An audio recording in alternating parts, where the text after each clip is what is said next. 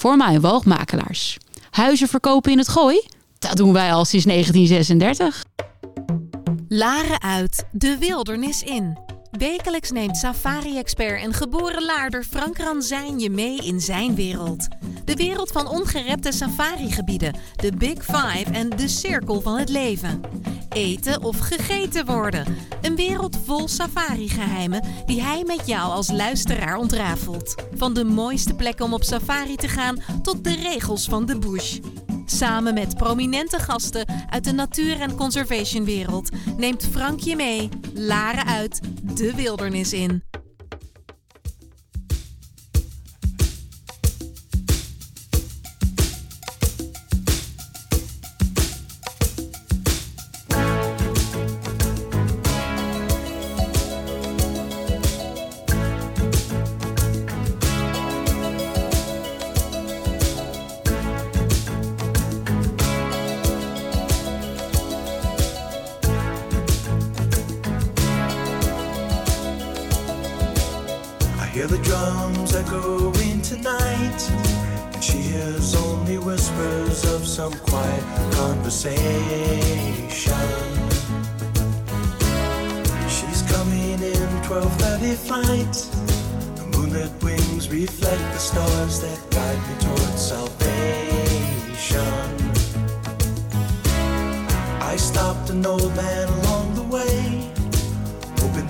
in some old forgotten words or ancient melodies.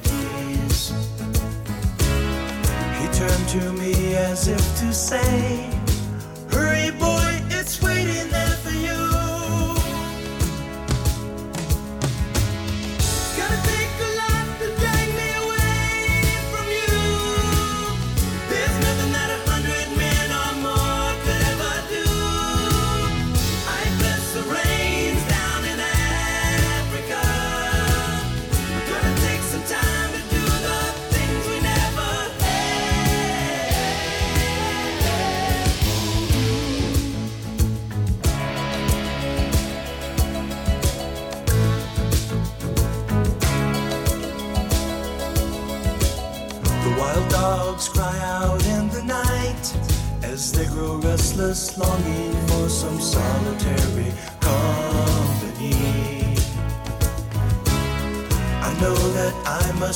what's right. Sure as Kilimanjaro rises like Olympus above the Serengeti. I seek to cure what's deep inside, frightened of this thing that I've become.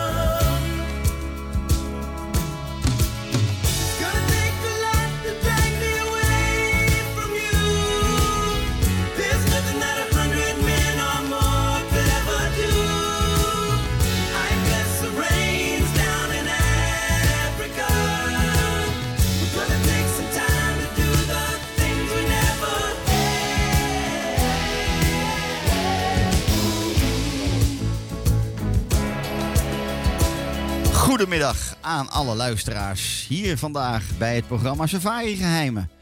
We gaan weer van start met een uurtje infotainment op safari-reisgebied. Vol nieuwe verhalen over natuur- en wildlife reizen in Afrika of India. Het is alweer jaargang 3, aflevering 7 van het jaar 2023. Een jaar waarin het lijkt alsof we corona inmiddels echt ver achter ons hebben gelaten en we weer massaal op reis willen en ook gaan. Ook vandaag mag ik, Frank zijn, als host van dit programma jullie een uurtje rondleiden in de bush van Kenia. Zoals ik altijd zeg, we gaan de lanen even uit, we gaan de wildernis maar weer even in. Heel veel plezier dus bij deze nieuwe aflevering Safari Geheimen, onderdeel van de boutique travel studio Safari Secrets. Goed, laten we beginnen. Afgelopen december, heb ik al eerder over verteld, was ik te gast op het Laikipia Plateau in Kenia en was ik ook te gast in de El Karama Lodge. Daar gaan we het vandaag vooral over hebben. Dit is een uh, familielodge en het ligt in een zeer exclusief privé-reservaat, namelijk de El Karama Wildlife Conservancy. Het is een groot natuurreservaat met slechts één lodge op het grondgebied. Privé uh, lodge daarop. dus door um, uh, in private eh, handen, zeg maar. Ik interviewde hier Sophie Grant. Zij is mede-eigenaar samen met haar man van deze familiegerunde Safari Lodge. Hier draait alles om op maat gemaakte safari-activiteiten voor of echtparen, gezinnen en families. Zo hebben ze hun kamp ook helemaal ingericht, zodat uh, gezinnen relatief apart kunnen verblijven en ook grotere families weer apart kunnen verblijven. Daar hebben ze een prachtige um, familiehuis voor gebouwd, dat ook pas net open is. Je kunt het te voet op safari, maar ook te paard. Daar zijn ze ook wel heel erg bekend om. Per open Land Rover. Het kan hier allemaal. Ik wil je dan ook graag laten kennismaken met alles wat El Karama in petto heeft voor jou als gast wanneer je deze plek zou willen gaan opnemen in je volgende safari-reis. Maar voorafgaand aan dit gesprek sprak ik eerst met een zeer jonge dame, de chef van El Karama. Luister dus ook hoe mensen uit de community, de lokale community, een baan vinden in het safari-toerisme. En wat dit, dan, wat dit hen allemaal brengt. Daarna aansluitend meteen het gesprek met de eigenaresse. Good morning, everybody. Who is listening to this new episode of the podcast of Safari Secrets? And today I'm sitting here in Kenya, within the El Karama Lodge, sitting next to the pool. It's a quarter till eight. I've never done a recording at this time of the day. And next to me is sitting Jane, head chef of El Karama. Good morning, Jane, and welcome that you are uh, willing to talk to me about how you ended up, who you are, and what you're doing here at El Karama. Um, so tell me a little bit of your background, if you want. Where, where, where are you from, and how did you end up here? Uh, thank you for opportunity. I come from a place called Edana, Yeah. the neighbor to El Kalama. Yeah, And I started here in Sophie's house yeah, as ayah to look after the kids, to play with the kids. yeah, And then I come down at the road yeah. as a chef. And, and when, when did, which year? Do you know which year you started at Sophie's house? Yeah, 2016, 2016. Yeah. At what age? Mm, 30, 13? 30. Th- 30, sorry. Yeah, Yeah, yeah, yeah, okay. Okay. And um, so you started um, at Sophie's house, and then you came into into the lodge. Yeah. And what, what did you? What was your first job in the in the in the lodge? just at the kitchen. At the kitchen. Yeah. Yeah, of course. That's why you're head chef now. Yeah. and and um, was it difficult for you to learn everything you have learned now over the years, or did you like it so much that it was going very easy? At the first was a bit difficult, Yeah. but now it's easy. Yeah. Yeah. Okay. And um, probably a very dumb question, but I think you like it up here very much, huh? Yeah. How many people uh, do you have in the team? 34. Whoa, and that's the whole team, I think. The whole And within the kitchen team, The kitchen team, we are f- five now. five now. Four. Four. Okay. Yeah. Okay. And um, can you can you tell me a little bit about um, what time you start a day wo- working for El Karama? Wh- what time do you have to get up, and when? Yeah, how, how is that? How is the day going? I start at six. Six. Yeah. And starting at breakfast, I start at seven. Okay. Yeah. So that's the one thing, the first thing you do, Yeah. preparing everything for breakfast. Yeah. And then after breakfast, probably preparing lunch, Lunch. and same thing. Yeah. Yeah, yeah. Can Can you tell me a little bit about um, how much ch- did the job here at El Karama change your life? The job here at, uh, at El Kalama changed my life because it's different with out there. Mm-hmm. Because here we have security Yeah. for ourselves. Yeah. We have the kid out there. We have to pay school fees and everything. Mm-hmm. Yeah. Look after our parents. Yeah. It's changed my life here. Nice, nice Yeah. to hear. And I think a lot of the your colleagues are coming from the neighboring Yeah. communities. I think, eh? Yeah. Yeah. Yeah. Most of them, I think. Eh? Yeah, most of them. Okay, so it's a lot of people Yeah. who are finding their jobs here Yeah. and um, yeah, earning a salary to for the whole family probably. Yeah. Yeah. Is there something you like to tell me about what I should know about being here in El Karama? Or is yeah? Yeah, being here in El Calama is the good thing in my life. I have ex- experienced a lot of things here Yeah. about the wildlife, Yeah. about how we make our garden Yeah. without no chemicals, something like that. It's all freshly produced. Freshly produced, Yeah. flo- fresh vegetables Mhm. from the garden to the kitchen. Yeah. Yeah, Nice. yeah. And and um, are you? May I ask? Are you married or are you not married? I'm not married. Not married. Yeah. Okay. And where do you think you will be in five years' time? Will you still be here? I'll be here with Sophie. Ah, that's so nice to hear. Jane, um, is there anything else you wanna you wanna tell about? Because you have now the chance to tell me whatever you wanna tell me. And if it's not, then it's fine. Okay. If you say this is this is this is enough, then I'm going to talk to Sophie. I think it's enough. Yeah? Yeah. May I thank you very much for doing this for me? Yeah. And um, I, when the when the whole podcast is done, and I'm going to publish it on Spotify and all those uh, uh, streaming services, I will let Sophie also know, so you will know, and you can listen to it. I will send you a link so you can listen to that. Thank you very much. Thank you very much, and have a wonderful day here at El Karama today. Eh? and you are very welcome into El Calama. Ah, thank you so much. Welcome. Thank you. Bye bye. Bye. Good. Sophie is sitting next to me now. Jane has left because she's busy today. and talking to Sophie, your last name is Grant, am I right? Yes, that's right. One of the owners of El Karama. So, first of all, thank you so much of, for taking the time to talk to me. It's a pleasure. You're welcome. Uh, and I like to know all about El Karama. Um, and I hope you want to tell everything what is needed to know for my listeners who become hopefully later on a, a guest We- here yeah, in your lodge. so. So let uh, please do tell me whatever you want to talk to me about the lodge. But first of all, I always ask my uh, my guest, would you tell me a li- or tell the listeners a little bit of your background because Mm-hmm. I know you are from France originally. How did you end up here, uh, Sophie? Tell us about it. So um, I grew up in a, a multicultural family, and we travelled the world with my father's job. So every three years we were posted uh, in a different continent. Um, so that's my that's my sort of childhood background. But what led me to Kenya was in 2006. I was offered a job uh, as a project manager in a very small NGO organisation, and it was based on uh, community training in environmental areas.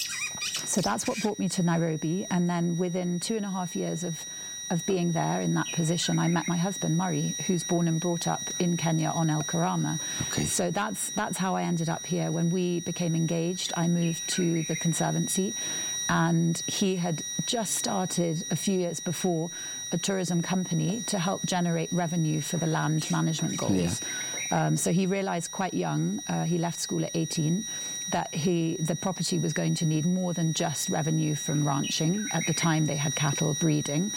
Uh, and he thought of putting up a ecotourism company and a setup. So he started building. And when I came in 2009, I took that over and helped him develop the business so that he could work full time on his profession, which is wildlife sculpture of bronzes. Yeah, I've been uh, uh, lucky to see his work yesterday eh, because we visited uh, his, his studio where he's creating all, all those beautiful uh, pieces. It was quite impressive, I have to admit, and uh, so wonderful. But tell, c- can you explain a little bit? First of all, that's maybe something. El Karama Lodge is a private wildlife conservancy. Am I saying it right? Because it's Correct. just changed. Eh? Yes. within the Laikipia Plateau in Kenya, which is the northern part of Kenya, with a lot of conservancies bordering each other. Wildlife can roam mostly freely through all those different conservancies. Exactly. Can you tell me a little bit about the origin of El Karama, how, it, how that all started? Yes, so um, my husband's late father in law, who was a Kenyan born here, um, ha- was working as a cattle manager, and in 1964, part of this property came up for sale. Yeah. So after independence, he was given the chance by the government to apply for an agricultural loan. And he took that loan out, and he was able to buy a small part of the land here. And that's how it began. So he began El Karama as it was then, as a working breeding ranch for Yeah. cattle. Yeah. And then within the years that he was here, he was instrumental in allowing elephant to move in. And then slowly, slowly, the environment began to be a safe haven habitat for all species of wildlife. yeah. So the genesis of the Conservancy as it is now is, is that history. So post-independence, and it took him 25 years to pay back that loan, and that was his life's labour. So we are the second generation Yeah. now uh, running the, the Conservancy, and this year it was gazetted as the first legally acknowledged wildlife conservancy. So now under the law in Kenya, it is seen as wildlife land. Yeah. So that's a really encouraging step forward for us because our primary mission as a family, um, also as a lodge, is to protect a unique habitat and to enhance its biodiversity. So that's why we are here as a family, and it's also why the lodge is here. The primary reason was to generate revenue. So every guest that comes here contributes directly to the conservation Yeah. goals through Yeah. what we call conservation fees. Yeah. But this lodge also, as an operator, pays um, monthly fees to the landscape, Yeah. and we also support it through employment. Um, and I would say that whilst the primary goal is habitat protection, my secondary goal is to use the small business as a platform for good. So within our permanent team, which is quite a large team. Um, we offer security through fixed contracts so people can rely on their salaries and help their families outside, but it's also an education platform. So, what we always try and make uh, obvious in the way that we host is that we are an authentic Kenyan run environment here, and part of what people will encounter in the hosting is our culture as Kenyans. So we have people from uh, the neighborhood directly next to us, so we are neighbors together, so they benefit from employment here, but also some parts of the team come from other parts of the Yeah, country, so yeah. we have a really exciting cultural mix, and these are the people that look after our guests. Nice, very, very, very nice to know a little bit where the where yeah what what the whole history of, of this this place is.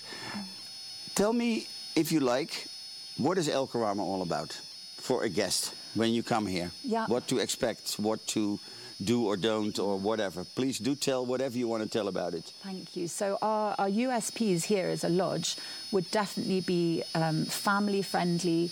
Uh, wildlife oriented adventure activities.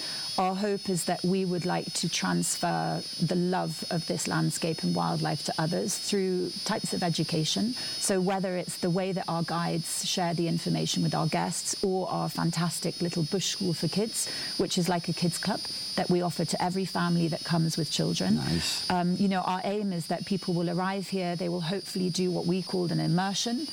And they will connect with the people here, the wildlife, the landscape, and they will leave a little better informed about why these places are so special.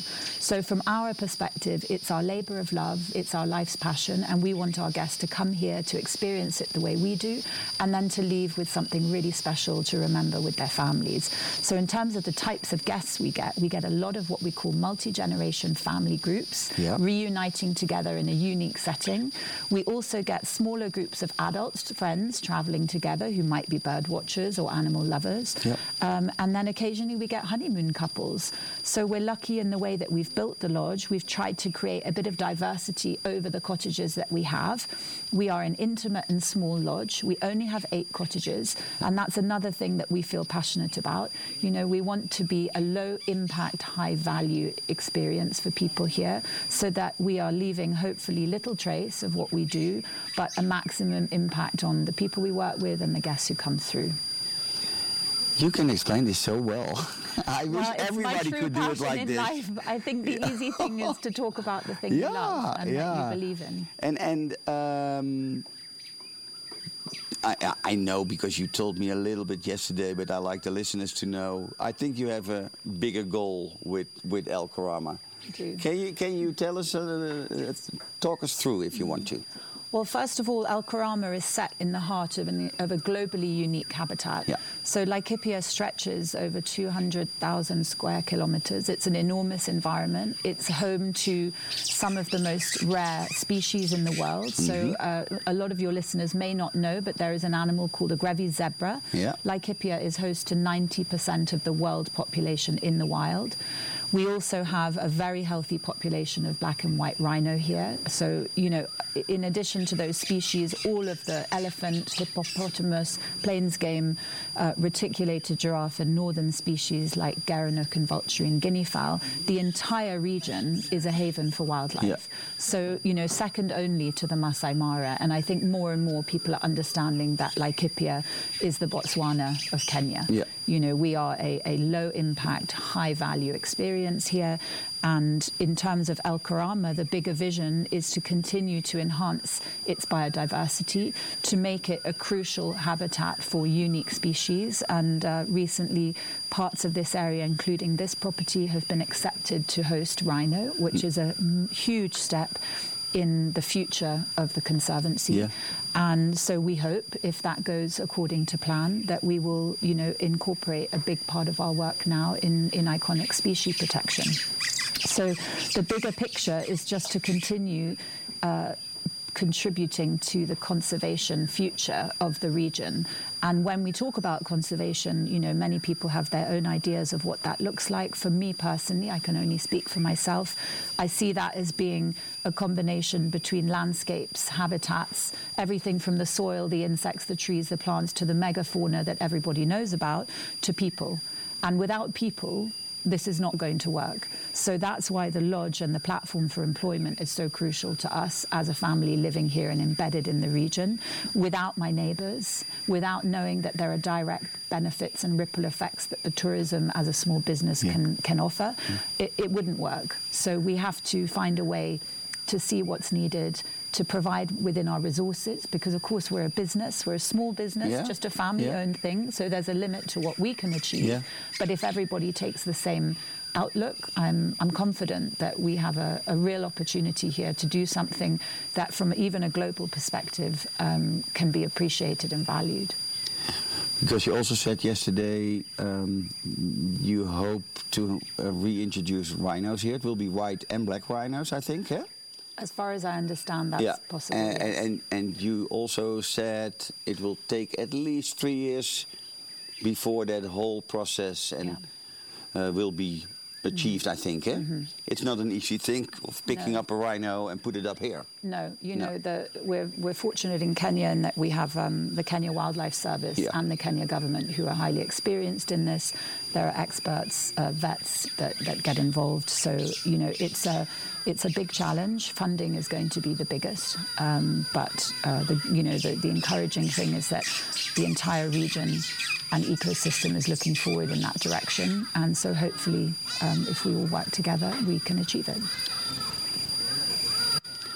Sophie, can you also tell us a little bit about, you have experienced quite a drought in the last We have. two years almost, I think, Mm-hmm. yeah, or even longer. Um, what did it do with the whole environment around you Mm-hmm. and here in, on your conservancy? So, I mean, the drought has been devastating. There's no other way to describe it. It's been over 18 months. Uh, we have had rain failures. So, typically in Kenya, and certainly our part of Kenya, we would have two rainy seasons. One would be the short rains from mid October into November, and the other would be the long rains from mid March into May. Um, none of those have come to us. No. We have had sprinklings of rain Yeah. in parts of the conservancy, but nothing significant. So what we find is that earlier this year in January, the north of Kenya was d- degraded, not just by drought, but by overgrazing Yeah. um, with cattle. And all of the wildlife came down to us in this part of Laikipia in huge numbers where there was grass. So, where we had maintained a healthy grassland through good land management strategies, that grass was eaten by 600 extra buffalo, 300 extra common zebra, and we carried them all through the year. And then the rains continued to fail. So, what we have seen here is that certain species populations have been devastatingly affected. The first were buffalo. So we have Cape buffalo here in Kenya, and what we've seen is that uh, where we had a healthy four to six hundred herd uh, of animals over the 14,000 acres of this property that ranged to our neighbouring conservancies as well, we think we may have lost 60 to 80% of that population in the space of six months. Um, you know, without being scientists, our assessment, having observed these animals, is that they get a parasite load that really challenges their immune system. So, on top of the loss of food, um, they they find that their bodies are weakened, and we lost some significant bulls characters that we have been following and archiving photographs, and um, even Murray, my husband, the sculptor, has done beautiful sculpture portraits of this buffalo, Thunder and Mr. Droop. They both really sadly died in the Yeah. drought, as well as lots of other cows, young and, and bulls. So, you know, it, it, is a, it is a very difficult situation. The rain has now fallen where we are at the lodge. We hope it will continue. Um, but you know, this is the reality of the landscape that we're in. There are huge variations in climate. I would say since 2008. Before that, it was pretty predictable. From that time, um, it became much more difficult to predict. So we are, first of all, accustomed to the hardship. Every year we have a challenge. Um, we are resilient, and we do have strategies to cope with it. But this year has been extreme. Yeah. Yeah, it's such a shame because your husband did s- told this also about the, the amount of buffalo who were um, um, how much declined the whole the, the total figure. Um, I was coming from even more north at Galleppo mm-hmm. yesterday. We had quite some heavy rainpour down there, but it also shows you how um, segmented those rains are. Eh? You had nothing. No, so And it's we very had localized. Yeah, Yeah. even on our conservancy, we're seeing half of the conservancy has received rain along the river where there's a heavy tree line, perhaps. Yeah. And then the, the eastern part of it is still completely dry. Yeah. So it's it's really something else to see. And as a guest, you don't notice that well because when you're driving around, it still looks quite green and lush. And eh, we know that Rod has been here, Yes. but you don't notice it that Yeah. much actually. Well, I feel encouraged. I mean, we have a bumper season ahead of us, December, January. It's the busiest that we've ever been in terms of bed nights and capacity, which Yes. is very exciting Yeah, for the of team. course, of course. Um, and luckily, you know, all the plains game and elephant and lion and leopard are around. It's just that we know, uh, those of us who live here full time, that the buffalo have suffered and some of the other species are Yeah, suffering. But yeah. hopefully, if this rain continues through December, Yeah. um, we may get, get a foothold and, and start to recover. Yeah. The good thing is that the river is flowing, the dams that we have um, renovated are full, so at least there is water and parts of the conservancy with green. And the advantage of having unfenced properties is, of course, that the animals can move to wherever Yeah. the rain has fallen. Yeah. And when it's localized like this, you know, for us, it's amazing to know that they can go, they're not trapped. Yeah, yeah, Um, yeah. So that's one good thing. That's a good thing. Yeah. Yeah. Can you tell us a little bit about being here as a guest? What the activities are on offer? Well, we're really lucky here because of um, being privately owned. Mm-hmm. We can set our own code of conduct, and we have quite a lot of freedom in terms of activities. So, obviously, our clients are, are wildlife safari in you know interest. That's so the main focus, primary of course. activities Yeah, yeah, yeah. and focus is always wildlife-oriented course. activities. So we have lovely game drives in open game drive cars. We also offer night drives, so people can try and see nighttime predators. Uh, we have a good population of aardvark here, and one of our guides, Andrew, who Oh, you may speak to, has a, a I don't know, he has a knack for finding them. Ah. Um, so night drives, game drives, we do beautiful guided bushwalks out on the plains, Yeah. and we also have adventure fly camping. So for your listeners, uh, fly camping is basically an under the stars camping experience. We have different types of tents depending on people's level of comfort and fear. Yeah. Um, Yeah. And, and that's a really uh, popular activity in our family groups and, and older adult groups. Uh, we also offer horseback riding through Yeah. a partnership with our neighbours, two young female equine guides who grew up in the ecosystem. And Something very typical for Laikipia. very typical for Yeah, Laikipia. So yeah. uh, adventure, you know, the idea that you can be out on foot camping and on horseback is very typical for this adventure Yeah, environment. yeah. Um, and we're also quite big foodies, so we have a lovely organic garden that we share with our guests, and we have farm to fork food. So we harvest every day fresh, and the kitchen prepares everything from scratch. So all breads, all desserts, pastries, ice creams, even our own mince we make by hand through a mincer. So um, food is a big part of our culture Yeah, here, and we're, we have our bush school for kids, which is focused on children's activities. We have caretakers who can support families at night if they want to have a supper without their children. We have um, a sort of pseudo babysitting setup. Mm-hmm. So those are all things that people can do. And then, of course, we are sitting here by our uh, eco-friendly swimming pool. Yeah. Uh, a lot of people may not know this about El Karama, but we pioneered the first eco-friendly swimming pool in the country. Oh, really? So we use a copper deionizing system, not salt or chlorine, and this means as an eco lodge, because we are an eco lodge running 100% on solar power Yeah, and yeah, renewables, yeah. Um, we can have a swimming pool that gives back to the environment, not takes away. Wonderful, wonderful. Um, what else? Yeah, you, you have some books on your lap. I do. Just tell us about the books because uh, the listeners can't see it. So the one is the Bush Kitchen. Yeah. I think it's your food book. That's right. Tell tell us about us. So uh, about the, it. yeah, the Bush Kitchen Notes and Recipes for the Wild was a project that I'd had in my mind for some time, but being so busy creating and building and running the lodge, uh, it was only in COVID that I decided to really give it uh, the full focus. A- and having the time of doing it in a way. That's right. Yeah. So, you know, during COVID, we actually managed to stay open and function on domestic tourism. Yeah. But our only revenue generation, it was just sufficient to pay full salaries to the staff, but nothing else. So, you know, my time was stretched a little, but I managed in the, the late evenings when my children were asleep and the guests were happy, and very early mornings to write the book. So it's it's essentially the story of our lodge. And through that story, we share um, over 50 recipes that I've Nice. created with the team. Yeah. Uh, Janie has her own recipe, who you just Yeah, interviewed. yeah. Um, and the idea is to share maybe an, a, a, a farm to fork style of cooking that incorporate zero waste. You know, we are an environment here, we can see our waste every day, which means we're very conscious of what to do, where it goes, and how, from even the supply starting point, we can start to minimize it. So the book includes everything from how we make our bread to the milk that comes down from our little dairy, making fresh ricotta, making fresh yogurt. Um, and there are chapters in there that also include the story of our children growing up in the wild, homeschooling. And it's full of beautiful photography, even some gorgeous hand drawn illustrations from my mother in law, Lavinia Grant. So it really is what I called a manifesto of our life here. We wanted to share the way that we live, we wanted to share our passion for this place, and all the profits and proceeds go into the Conservancy. So the first edition I'm donating at the end of this year, my staff don't know, um, whatever profits were made to them and to the Conservancy staff. And then next year, and any sales that go beyond that goes straight to the Conservancy. So it's not something I would earn anything from, but it's a donation.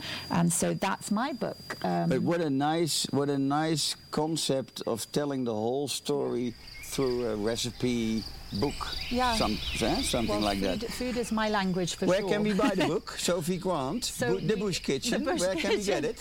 So we, we can sell it from here. Yeah. And I do I do have stock in Europe. So through friends and family, if people want to contact us by email, we can arrange from the UK to post uh, a copy of the book. Cool. Uh, the distribution is pretty modest at the moment outside of Kenya, um, but it's sold out the first edition in this country Oh, that's to nice. all of our colleagues That's in, cool. in here. So Yeah, we're yeah, really yeah. excited. Yeah. Yeah, I can understand. Then you have a second book there, and that's, I think, I from do. your mom. I do. So my mother-in-law, Lavinia Grant, who came into the Conservancy in the 1970s when she married Murray's late father, uh, has been the instrumental influence in conserving habitat and wildlife. She is a passionate naturalist, so a birder.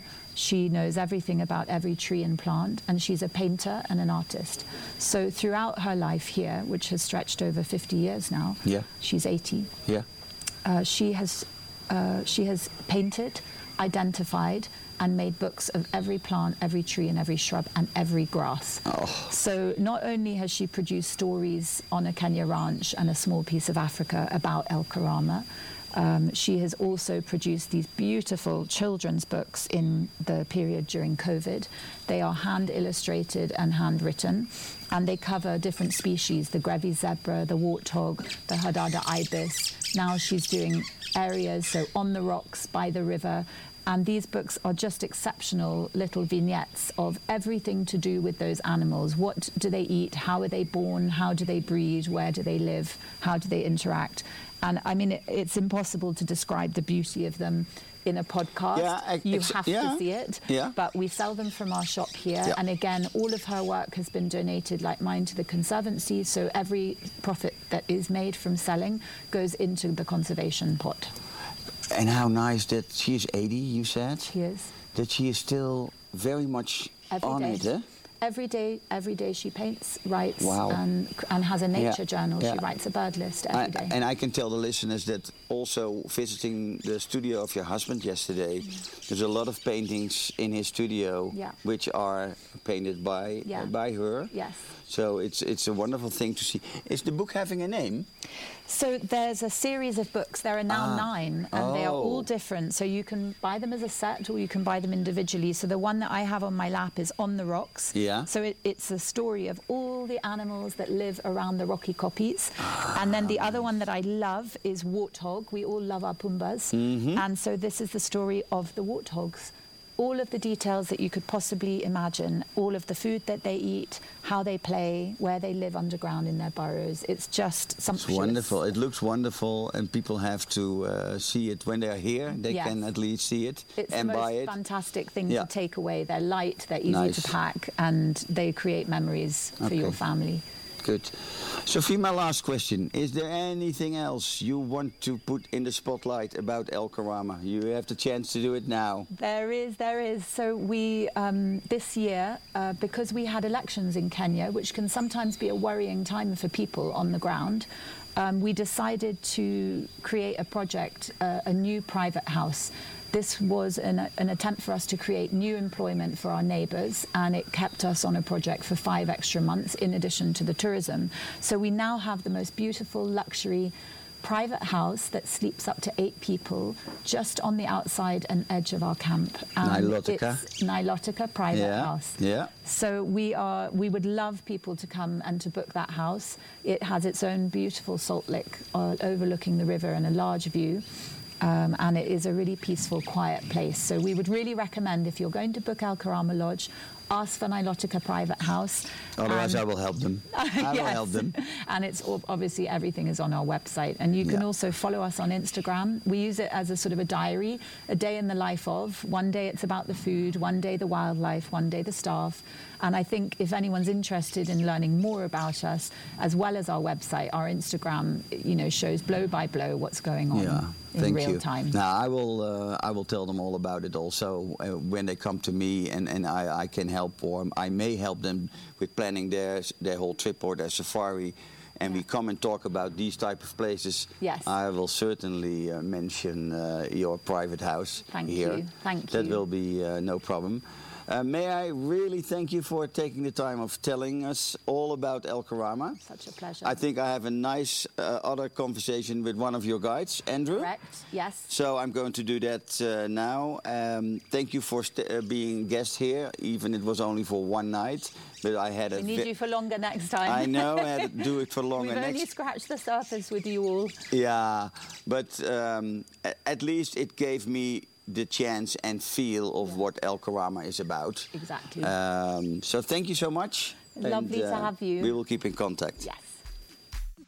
Goed, ik hoop dat jullie genoten hebben van ehm, alles wat Sophie te vertellen had over El Karama Lodge.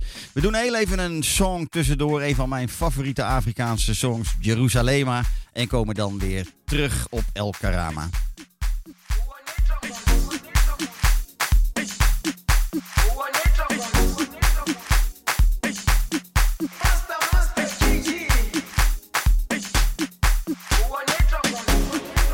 Jerusalema ikhaya lami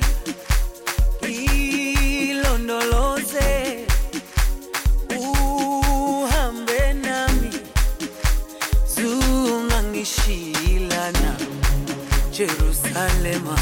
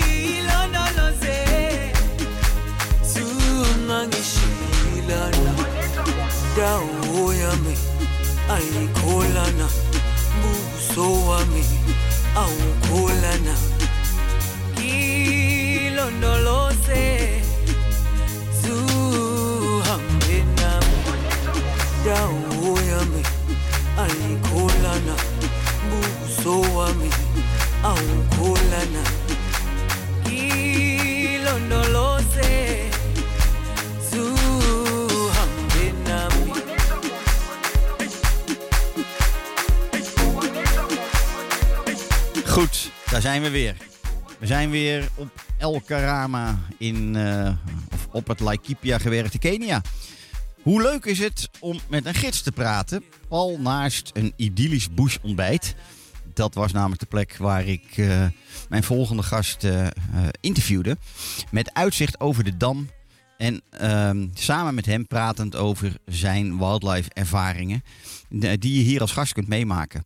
Ehm, ik heb Robinson, head guide van El Karama, geïnterviewd over de leeuwen en de leeuwen-interactie die we de avond voor ons gesprek eh, hebben kunnen meemaken. En ook vind ik het altijd erg leuk wanneer zij voor het laatst ehm, als gids hele bijzondere diersoorten hebben mogen observeren.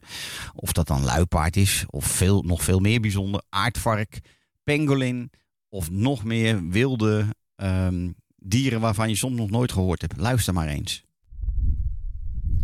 Okay, I'm just talking now to one of the guides of um, El Karama. His name is Robinson. Robinson, nice to meet you again, and um, welcome on my podcast of El Karama. Can you tell me how long are you working for El Karama already? So, um, yes, my name is Robinson. I've worked here at El Karama Conservancy for now almost eight years. But uh, originally, I'm from western part of Kenya. From the western part of Kenya. Okay, and how many years you said you work here? I've worked here for now eight years. Eight years already. Yeah. So you came here in 2014. Yes. And and did you guide before that somewhere else, or did you start your career here? No, I just I was very fresh, just coming, finished my high, my O level, my high school level, and then just started my career training from here. Ah. I've never worked anywhere else. I've just, I've just been trained from here. Um, yeah. Okay. Tell me, how is life being a guide in El Karama? How d- did it change your life?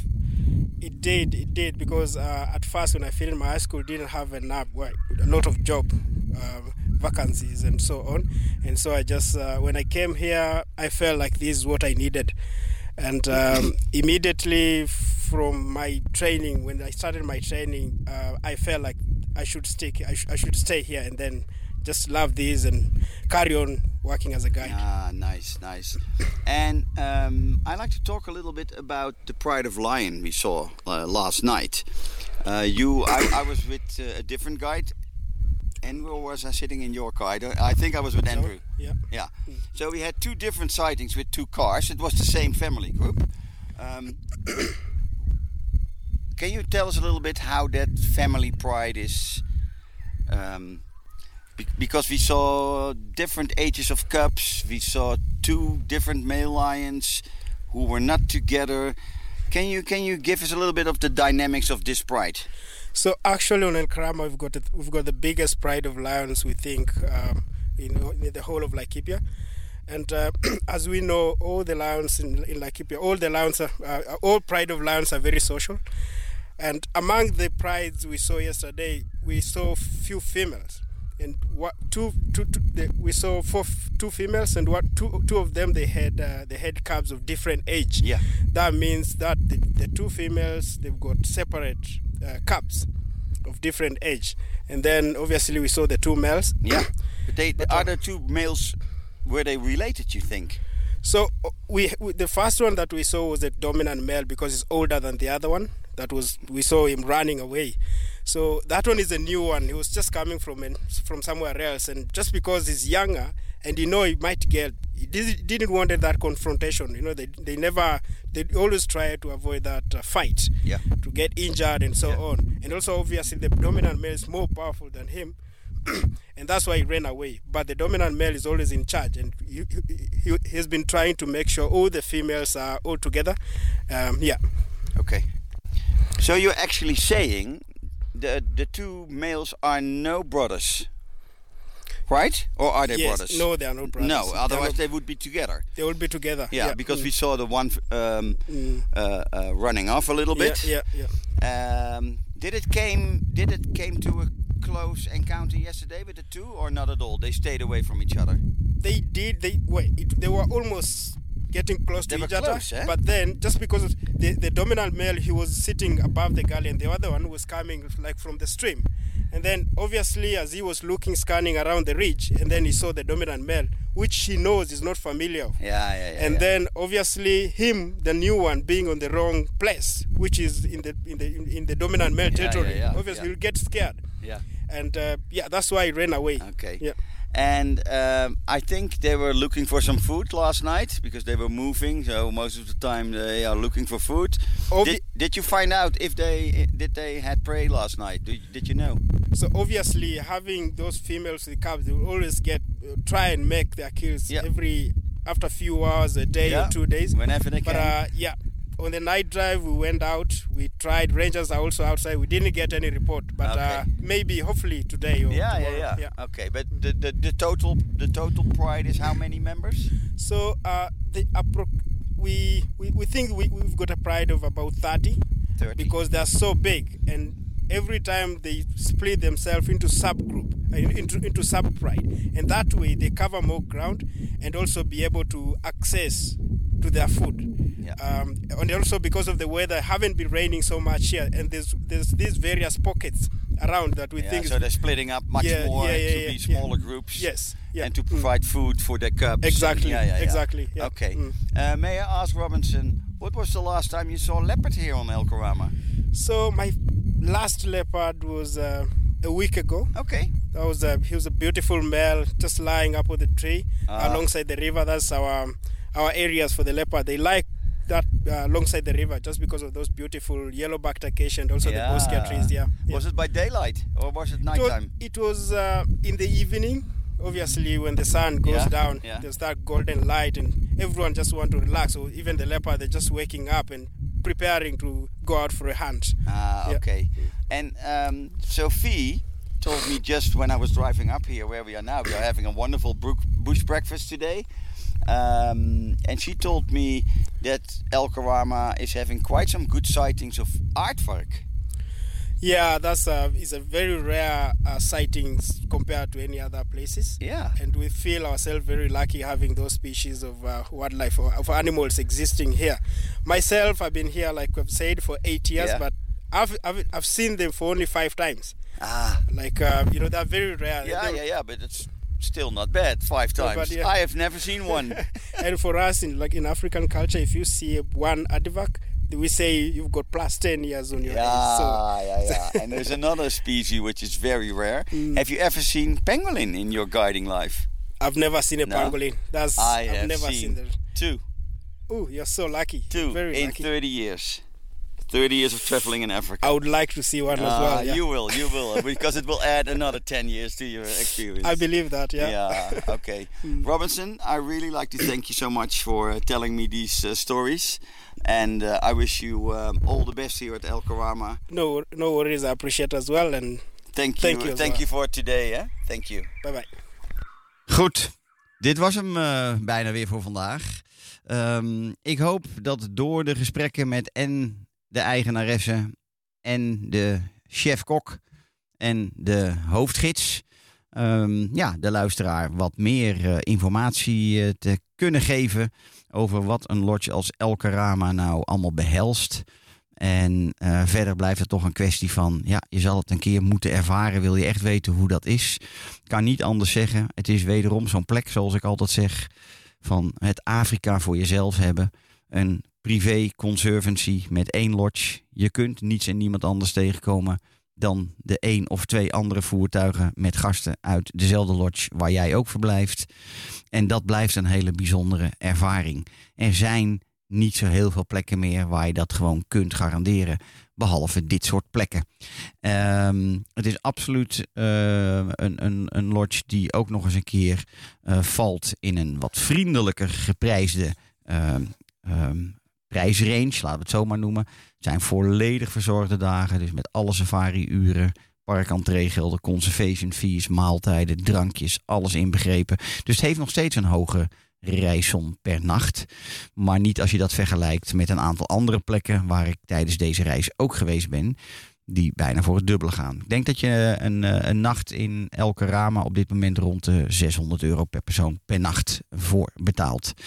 Goed, ik hoop van harte dat we jou als luisteraar weer hebben kunnen informeren of inspireren over machtig mooie safari-ervaringen. In het Conservation-based Afrika. Hier waar alles draait om het in stand houden van grote natuurgebieden en diersoorten.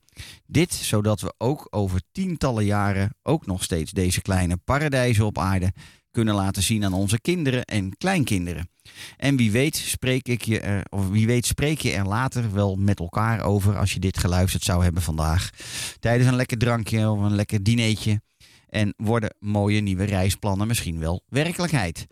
Voor meer informatie kun je dan natuurlijk gewoon contact opnemen met Safari Secrets, jouw privé reisplanner op het gebied van reizen naar Afrika en of India. Neem dan contact op via info@safarisecrets.nl of geef me gewoon een belletje op 06 24 732 882. Samen bouwen we aan een droomreis met een positieve impact voor de natuur en haar lokale bewoners. Ik wens jullie allemaal een fijne avond voor deze avond. En volgende week zijn we er weer. Zelfde tijd, zelfde plek.